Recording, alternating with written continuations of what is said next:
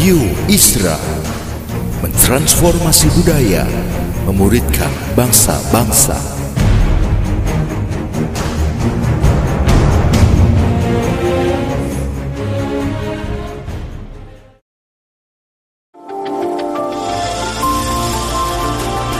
Voice of Pradaim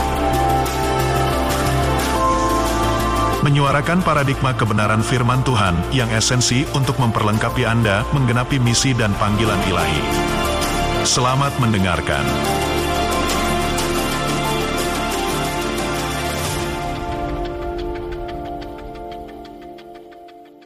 Di menit-menit ke depan kita bisa sama-sama belajar kebenaran firman Tuhan di pagi hari ini, gitu ya. Thank you, Pipit. Ya.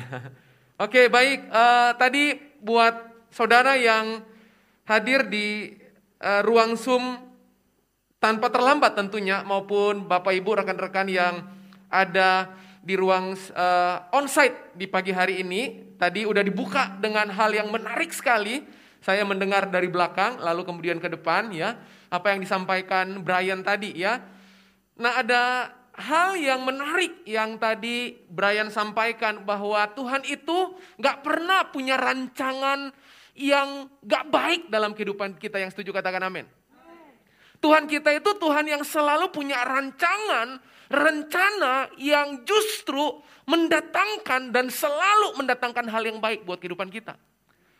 Nah beberapa dari kehidupan kita waktu kita masuk 2022, kita tinggalkan 2021, Tahukah Bapak Ibu, tahukah Saudara bahwa waktu bisa membuat orang bersyukur. Tapi waktu juga bisa membuat orang menyesal. Saudara pernah mengalaminya? Hanya gara-gara persoalan waktu, kita itu bisa bersyukur. Tapi hanya gara-gara persoalan waktu juga, kita itu bisa menyesal. Dan sering kali pada saat kita diperhadapkan dengan waktu, Waktu datang dalam kehidupan kita, entahkah dia datang membuat kita bersyukur karenanya, maupun kita ber, apa, menyesal karenanya juga. Apa pun jenis waktu itu sering kali ada begitu banyak penundaan demi penundaan yang kita alami dalam kehidupan kita. Dan sering kali sahabat penundaan adalah penyesalan. Setuju? Pernah nyesal? Pernah ya. Yang di ruang Zoom pasti udah ketik chat amin gitu ya. ya, ya. Pernah nyesal? Nah hari ini saya berdoa, berpikir, merenung. Mungkin di pagi hari ini Bapak Ibu Saudara yang ada di onsite maupun yang ada di Zoom meeting, saya hanya akan membawa beberapa perenungan singkat saja buat kita pagi hari ini dan berharap di minggu pertama dari 52 minggu ke depan kita akan melihat banyak kemajuan, peningkatan dan terobosan yang Tuhan kerjakan dalam kehidupan kita. Amin. Nah, ada beberapa hal penting yang menurut saya saudara dan saya perlu kasih perhatian untuk beberapa hal yang Tuhan dalam firman-Nya itu menekankan berulang-ulang. Ada beberapa hal yang Tuhan dan firman-Nya itu sering kali mengingatkan kita berkali-kali. Makanya kalau saudara membangun keyakinan dalam kehidupan, pastikan keyakinanmu itu penting dan keyakinanmu itu benar. Pada saat saudara mau membangun sebuah keyakinan, pastikan keyakinanmu itu punya dua sifat. Yang pertama, keyakinanmu itu mesti penting.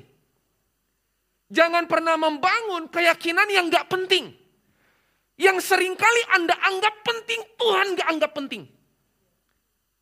Tapi yang kedua, sifat dari keyakinanmu itu, keyakinanmu itu bukan cuma penting, tapi benar. Karena kalau keyakinanmu penting, keyakinanmu benar, itu yang akan dorong kehidupanmu bergerak. Kalau keyakinanmu itu penting dan benar, keyakinan yang penting dan benar itu yang akan membuat roda kehidupan saudara mendatangkan kemajuan. Pernah ketemu orang, orang itu kemudian berkata seperti ini, ya itu benar. tapi nggak penting buat saya. Pernah? Atau mungkin orang itu berkata gini, itu penting, memang penting, tapi kok belum tentu benar ya? Oh ada. Saya pernah ketemu orang, penting nggak menurut kamu? Penting. Tapi benar nggak ya? Paham arti benar nggak ya? Berarti dia punya keraguan. Tapi ada orang juga yang kita ketemu, orang itu bilang gini, kok Jeff, ya benar, tapi nggak penting. Makanya yang nggak penting dan yang nggak benar itu, itu akan susah membuat kehidupan kita itu bergerak. Nah pagi hari ini di menit-menit awal, coba pikirkan sejenak. Apa yang saudara yakini di 2022? Apa yang saudara yakini, apakah itu penting? Apa yang saudara yakini itu, apakah itu benar? Oke, sekali lagi pagi hari ini, ingat, pada saat kita lagi mau membangun keyakinan, keyakinan yang kokoh itu yang kayak apa? Keyakinan yang kokoh itu adalah keyakinan yang benar dan keyakinan yang penting. Sebab yang benar-benar penting dan yang sungguh-sungguh benar, itu yang akan gerakkan kehidupan saudara. Itu yang akan gerakkan kemajuan saudara. Itu yang akan menyebabkan terobosan demi terobosan datang dalam kehidupan saudara. Karena keyakinan tadi. Nah mari kita lihat ada dua hal dengan cepat. Yakobus pasal yang keempat, ayat yang ke-13. Yakobus pasal yang keempat, ayat yang ke-13. Saya bacakan perlahan buat saudara. Yakobus pasal 4 ayat 13. Jadi sekarang. Kapan? Sekarang. Kapan? Ya sekarang. Sekarang itu kapan? Ya sekarang, saat ini. Hai kamu yang berkata. Atau hai kamu yang suka berkata. Hai kamu yang senang mengatakan dalam terjemahan yang lain. Hari ini atau besok kami berangkat ke kota Anu. Dan di sana kami akan tinggal setahun dan berdagang serta mendapat untung. Udah ada yang punya perencanaan di 2022 model kayak gini? Ada ya? Ada ya? Ih enggak ada. Ada ya. Saya ulang, saya ulang, ini penting. Hai, uh, jadi sekarang hai kamu yang berkata, hari ini atau besok kami berangkat ke kota Anu dan di sana kami akan tinggal setahun dan berdagang serta mendapat untung. Jadi kalau saudara membaca ayat ini, sering kali dalam kehidupan kita, kita itu bangun keyakinan kita pada hal-hal yang tadi kita baca. Seakan-akan kalau udah punya perencanaan, tingkat keyakinan kita yang datang dari perencanaan itu yakin-yakin banget. Setuju? Setuju ya? Saudara pernah merasakan keyakinan karena saudara merencanakan bisnis saudara?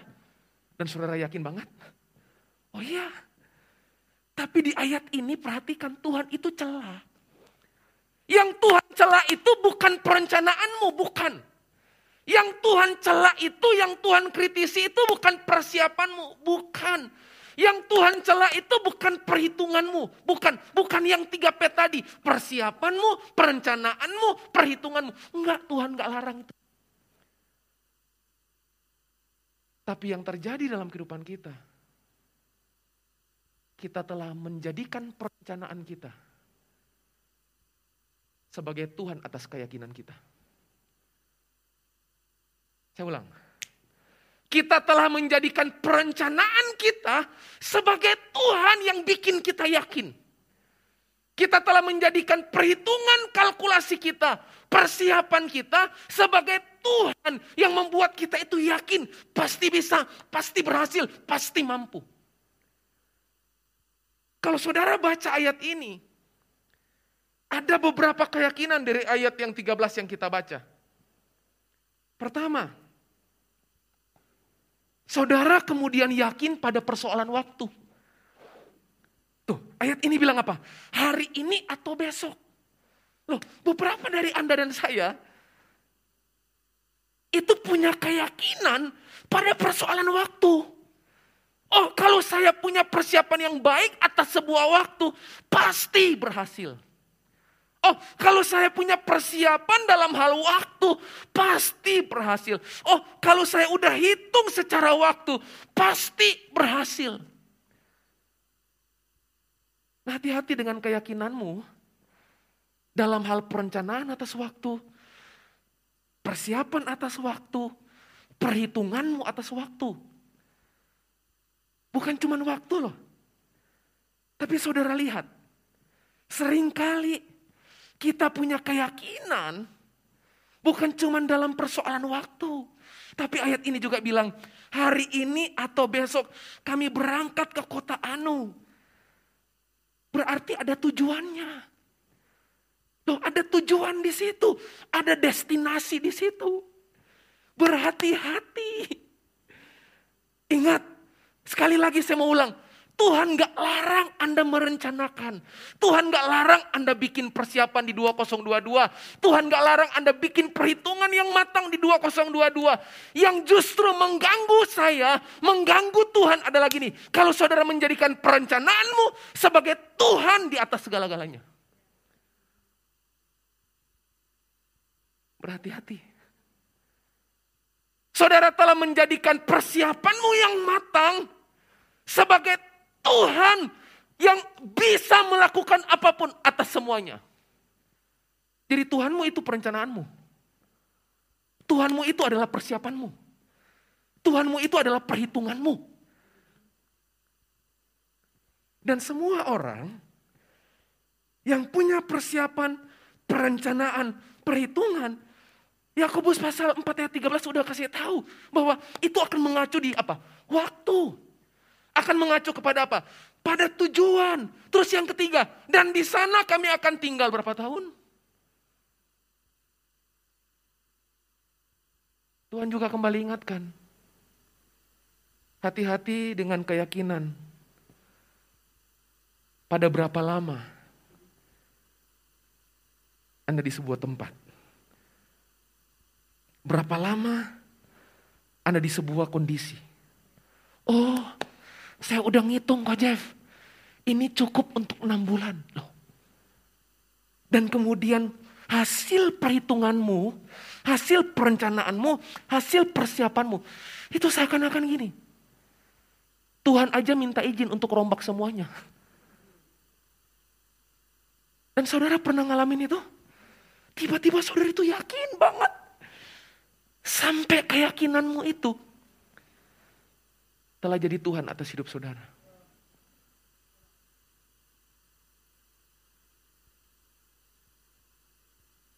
Bukan cuman itu. Kalimat berikutnya. Dan berdagang. Tuhan kembali ingatkan.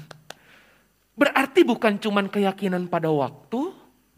Bukan cuman keyakinan pada tujuan Bukan cuma keyakinan pada lama tinggal, tapi juga keyakinan pada apa yang Anda akan kerjakan. Saya akan setahun di situ dan saya akan berdagang. Loh, salah? Enggak. Tapi yang jadi salah, sekali lagi, apa yang saudara rencanakan, saudara hitung, saudara siapkan, itu seakan-akan menumbuhkan keyakinan, menumbuhkan kepercayaan diri pada dirimu sendiri, pada persiapanmu, pada apa perhitunganmu, pada perencanaanmu, bahwa kalau itu sudah matang, pasti sukses.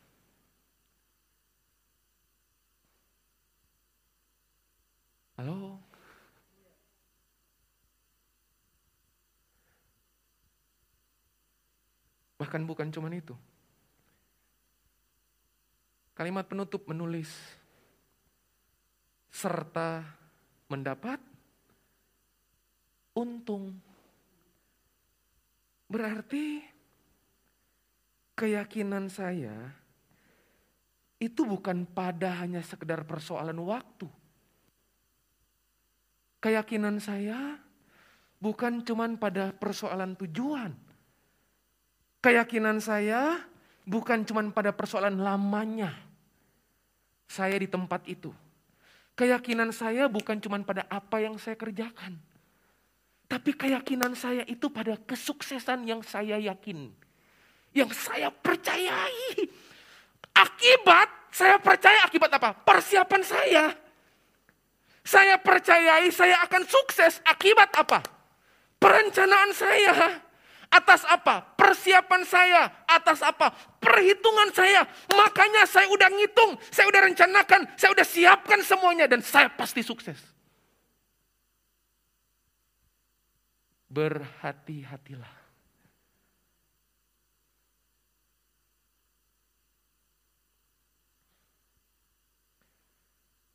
Kenapa berhati-hatilah? Saudara lihat ayat 16. Nanti saya balik ke ayat 14. Tetapi sekarang ayat 13 dimulai dengan kata jadi sekarang. Tetapi oke, okay, Tahu bedanya? Sekarang ayat 13 dimulai dengan kata jadi. Sekarang yang di ayat 16 dimulai dengan kata Oke, tahu bedanya? Tahu? Jadi yang di sini itu Anda yang simpulkan yang datang dari keyakinan dirimu.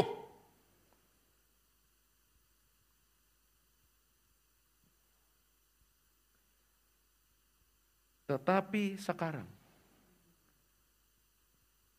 bertolak belakang nggak? Kenapa bertolak belakang? Karena yang 13 ini loh. Jadi sekarang yang saudara bangun berdasarkan keyakinan dirimu. Makanya coba lihat, orang yang memulai dengan keyakinan diri nanti berakhir dengan tetapi.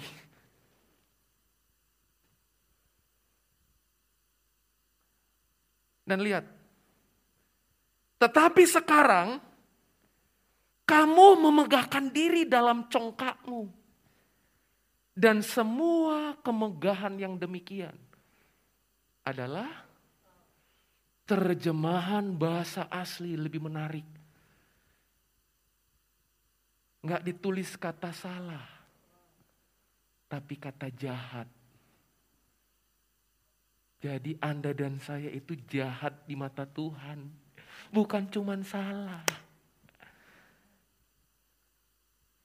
Jadi kalau saudara praktek ayat 13 tadi, dengan semua keyakinan yang dibangun atas perencanaan, keyakinan yang dibangun atas persiapan, keyakinan yang dibangun atas perhitungan saudara, Tuhan bilang gini, itu bukan cuma salah, itu jahat di mataku.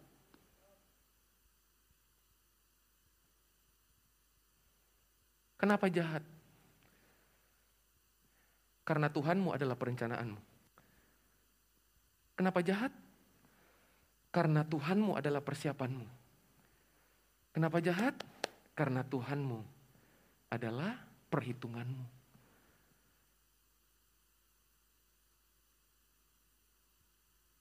Jadi sebenarnya, sekali lagi, yang dikecam sama Tuhan, itu bukan pekerjaan orang itu, bukan.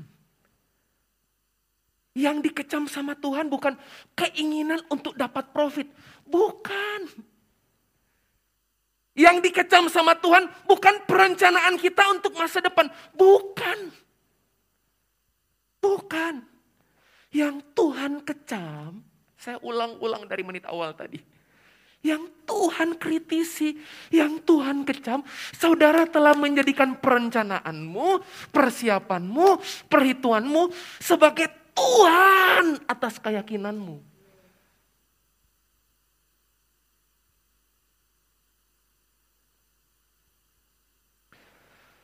Ada begitu banyak ayat.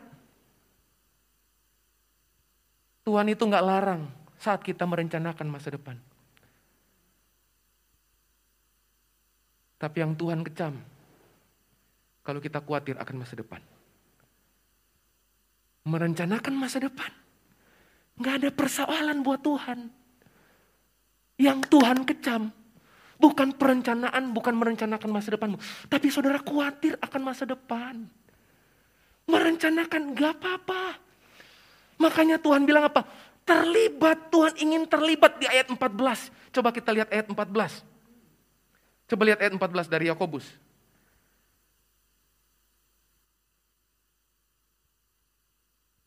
Saya akan bacakan. Sedang kamu tidak tahu apa yang akan terjadi besok. Apakah artinya, apakah arti hidupmu? Hidupmu sama seperti uap yang sebentar saja kelihatan lalu lenyap. Nah ayat 15 perhatikan. Sebenarnya kamu harus berkata. Apa? Jika Tuhan menghendakinya, kami akan hidup dan berbuat ini dan itu. Tahu maksud ayat ini? Saya ulang. Maksudnya apa? Enggak apa-apa bikin persiapan. Enggak apa-apa bikin perencanaan. Enggak apa-apa bikin perhitungan. Tapi jadikan persiapan, perencanaan, dan perhitunganmu hanya sebagai tools. Sebab hanya Tuhan yang bisa merealisasikannya. Artinya bukan fokus pada keyakinan diri. Tapi fokus pada kebergantungan sama Tuhan. Itu yang Tuhan lagi mau ingin untuk kita lakukan di 2022. Bukan pengalamanmu jadi Tuhanmu. Bukan perhitunganmu, perencanaanmu, persiapanmu. Bukan, bukan. Itu hal yang pertama yang hari ini. Untuk masuk 2022. Mari. Fokus. Untuk bergantung sama Tuhan. Fokus untuk semuanya serahkan sama Tuhan. Ingat, kita akan selalu punya jebakan loh. Setuju? Kita akan selalu punya jebakan. Apa hal yang kedua? Sebelum ke hal yang kedua, Amsal pasal 16 ayat 2. Amsal 16 ayat 2. Saya bacakan buat saudara. Amsal 16 ayat 2. Segala apa? Jalan orang adalah bersih menurut pandangannya sendiri. Oke? Saudara percaya gak? Bahwa sering kali keyakinan yang datang dari diri sendiri akan menjadi keyakinan yang benar menurut kita. Setuju? Saya ulang.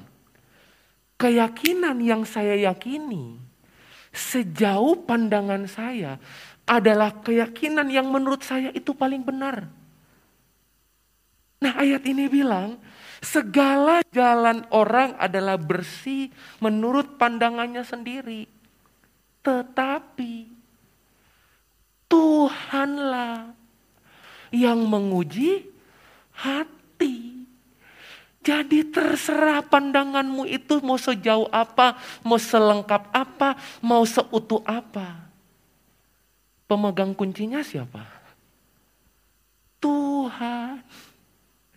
Jadi jangan ngesok. Jadi jangan congkak ayat ini bilang. Jadi jangan punya keyakinan yang kita yakini menurut itu tadi persiapan, perencanaan, perhitungan. Saya berharap saudara belajar sesuatu sampai bagian ini. Yang kedua,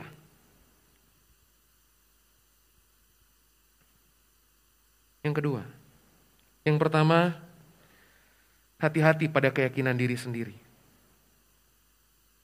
Yang kedua, Roma pasal 10 ayat 17.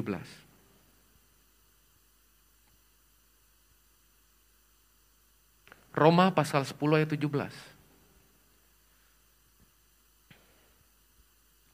Jadi iman timbul dari pendengaran. Saya ulang. Jadi apa? Iman timbul dari Oke. Persoalannya, pertanyaannya. Kalau iman saya nggak timbul-timbul, persoalannya di mana? Ulang. Ulang. Jadi iman timbul dari pendengaran. Berarti kalau ada orang yang imannya nggak timbul-timbul, persoalannya di mana? Iman dalam terjemahan yang lain disebut keyakinan. Yang tadi kita bahas. Jadi orang yang nggak bertumbuh di area keyakinan, berarti nggak bertumbuh di area pendengaran. Dan pendengaran hanya datang dari iman, firman iman. Jadi rupanya dalam perjalanan panjang ke depan, saudara butuh iman. Saudara nggak cuma butuh persiapan, perencanaan, perhitungan. Apalagi yang tiga tadi itu saudara dasarkan pada keyakinan dirimu sendiri. Enggak, tapi Alkitab bilang iman itu timbul dari pendengaran. Berarti kalau dalam perjalanan 2022 saya diombang-ambingkan dengan mudah, itu persoalannya Anda tidak pernah bertumbuh di area keyakinan atau iman. Dan kenapa nggak bertumbuh di area keyakinan atau iman? Persoalannya di area pendengaran. Apa yang saudara dengar tiap hari? Loh itu menentukan iman saudara loh.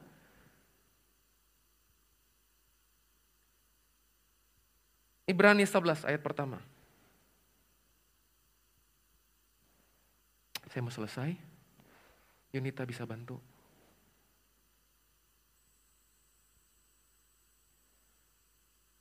Ibrani 11 ayat pertama. Iman adalah apa? Dasar dari segala sesuatu yang kita harapkan dan bukti dari segala sesuatu yang tidak kita lihat. Nah, yang menarik waktu saya merenungkan ayat ini yang sudah berulang-ulang saya baca. Berulang-ulang dikotbahkan. Kalau kita baca, iman adalah dasar dari segala sesuatu yang kita Kenapa sampai iman itu, iman itu dikaitkan dengan pernyataan yang kita harapkan? Ini menarik. Saya ulang. Kenapa iman itu dikaitkan dengan pernyataan yang kita harapkan? Sebab ternyata orang gampang berharap hanya pada sebuah kepastian. Oke? Okay? Hei, iman itu pasti. Iman itu nyata. Iman itu benar. Itu sifat iman. Saya ulang. Iman itu pasti. Dia bukan bayangan. Iman itu bukan cuman pasti. Iman itu nyata. Dia real. Iman itu bukan cuman pasti, bukan cuman nyata, bukan cuman bukan cuma dua itu, tapi iman itu benar. Makanya pada saat saudara punya iman, saudara bertemu dalam keyakinan akan firman iman tadi. Iman yang pasti itu, iman yang nyata itu, iman yang benar itu. Menuntun saudara punya pengharapan. Dan Alkitab bilang, orang yang punya pengharapan tidak akan pulang dengan kekecewaan. Nah,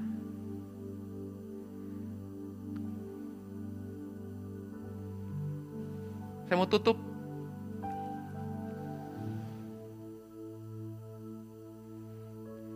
Kata harapkan di situ. Oke? Waktu kita baca tadi ayat, iman adalah dasar dari segala sesuatu yang kita harapkan. Nah, kata harapkan di situ yang dikaitkan dengan iman ini punya tiga arti ternyata. Jadi kalau saudara berkata begini, Kau Ci, Cik Chan, Kau Jeff, saya berharap sama Tuhan. Iman yang dikaitkan dengan kata harapkan di situ punya tiga arti. Kata harapkan itu punya tiga arti. Bagus banget artinya. Diambil dari akar kata el piso. Bukan el clasico, bukan ya. ya itu Liga Spanyol. El piso punya tiga arti. Arti pertama gini, percaya kepada Tuhan. Percaya di situ, itu datang bukan karena kalkulasi.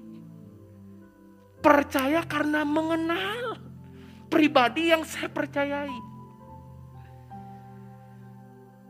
Yang kedua, kata harapkan di situ punya arti menunggu Tuhan. Jadi kenapa saya percaya sama Tuhan? Karena kalau dia berbicara itu pasti dan akan jadi kenyataan. Kenapa saya menunggu Tuhan? Karena dia yang berbicara itu pasti dan akan berubah jadi kenyataan. Yang ketiga, arti kata harapkan di situ bukan cuma percaya sama Tuhan. Bukan cuma menunggu Tuhan. Tapi yang ketiga, bergantung kepada Tuhan. Wow. Kenapa saya bergantung sama Tuhan? Karena dia berbicara itu pasti dan akan berubah jadi kenyataan. Jadi pagi hari ini, mari mulailah memahami firman dalam kehidupan saudara. Mari hidup dalam iman. Hidup dalam iman itu apa? Ngerti firman. Makanya orang yang hidup dalam iman dan dia ngerti firman, Alkitab bilang imannya itu bukan cuman bertumbuh, tapi imannya bertambah. Oke? Kadarnya itu loh, kadarnya tahu? Tambah. Bukan cuman bertumbuh, bukan, tapi bertambah. Nah, cara tingkatkan kadarnya gimana? Tingkatkan kadar pemahamanmu akan firman. Dengan sendirinya. Kekhawatiran gak akan jadi medan tempurmu. Masa khawatir seumur hidup? Capek nggak? Lah si khawatir itu juga capek nyangkut di depan saudara. Khawatirnya berapa lama? 10 tahun. Aduh. Kok khawatir 10 tahun? Lawong si khawatir aja itu capek. Sama-sama saudara terus. paham maksud saya Bapak Ibu Saudara? Mari dua hal ini. Dua hal ini kita perlu hidupi, kita perlu alami. Sekali lagi, penutup dari apa yang saya sampaikan. Kalau iman itu kepastian, iman itu adalah sesuatu yang nyata. Berarti iman itu bukan bayangan. Iman itu bukan permainan perasaanmu. Iman itu juga bukan tindakan-tindakan yang nekat, bukan. Tapi iman itu kepastian. Iman itu kenyataan. Iman itu kebenaran. Bagaimana pindahkan tiga hal ini jadi pasti dari sebuah ketidakpastian, dari kenyataan, dari sebuah bayangan, dari kebenaran, dari sebuah keraguan? Gampang. Faktor pemindahnya adalah iman timbul dari pendengaran, dan pendengaran akan firman. Orang yang cinta firman, dia akan konversikan Bukan Tuhan yang konversikan. Orang itu akan konversikan. Keraguannya jadi kenyataan. Keraguannya jadi kepastian. Bukan lagi bayangan. Keraguannya jadi kebenaran. Jadi saudara akan bisa konversikan. Saudara akan bisa transformasikan. Kalau iman timbul dari pendengaran dan pendengaran akan firman. Berarti kalau kita problem di keyakinan, problem di iman. Kenapa iman gak timbul? Karena gak mendengar firman. Kalau udah gak mendengarkan firman, pasti saudara akan mendengarkan apa kata dirimu sendiri. Dan kalau saudara pakai keyakinan dirimu, yaitu tadi perencanaan akan jadi Tuhanmu. Loh, manusia itu tanpa Tuhan bisa merencanakan kok ada akal budi. Setuju nggak? Kalau saudara udah nggak punya iman yang timbul dari pendengaran, saudara akan pakai keyakinan dirimu untuk bikin perencanaan, persiapan, perhitungan, pengalamanmu. Dan bisa nggak? Bisa. Bisa. Tapi Alkitab bilang, tetapi sekarang. Yang di sini jadi sekarang, di sini tetapi sekarang. Dan kalau saudara lakukan itu semua, Tuhan bilang itu bukan salah. Itu jahat. Tahu bedanya salah sama jahat? Orang salah, belum tentu dia berniat jahat. Setuju enggak? Salah. Tapi bukan berarti dia niat jahat, bukan. Tapi orang jahat pasti sejak awal udah berniat salah. Makanya Tuhan bilang bukan salah, jahat. Jadi kapan saudara jahat di mata Tuhan? Waktu saudara bikin persiapan, perencanaan, perhitungan, pengalamanmu, pakai keyakinanmu sendiri. Dan itu telah menjadi Tuhan. Dan fatalnya saudara berangkat dengan keyakinan semu. Saudara berangkat dengan keyakinan yang gak tumbuh, gak timbul dari keyakinan iman yang bergantung sama Tuhan, menunggu Tuhan, percaya sama Tuhan.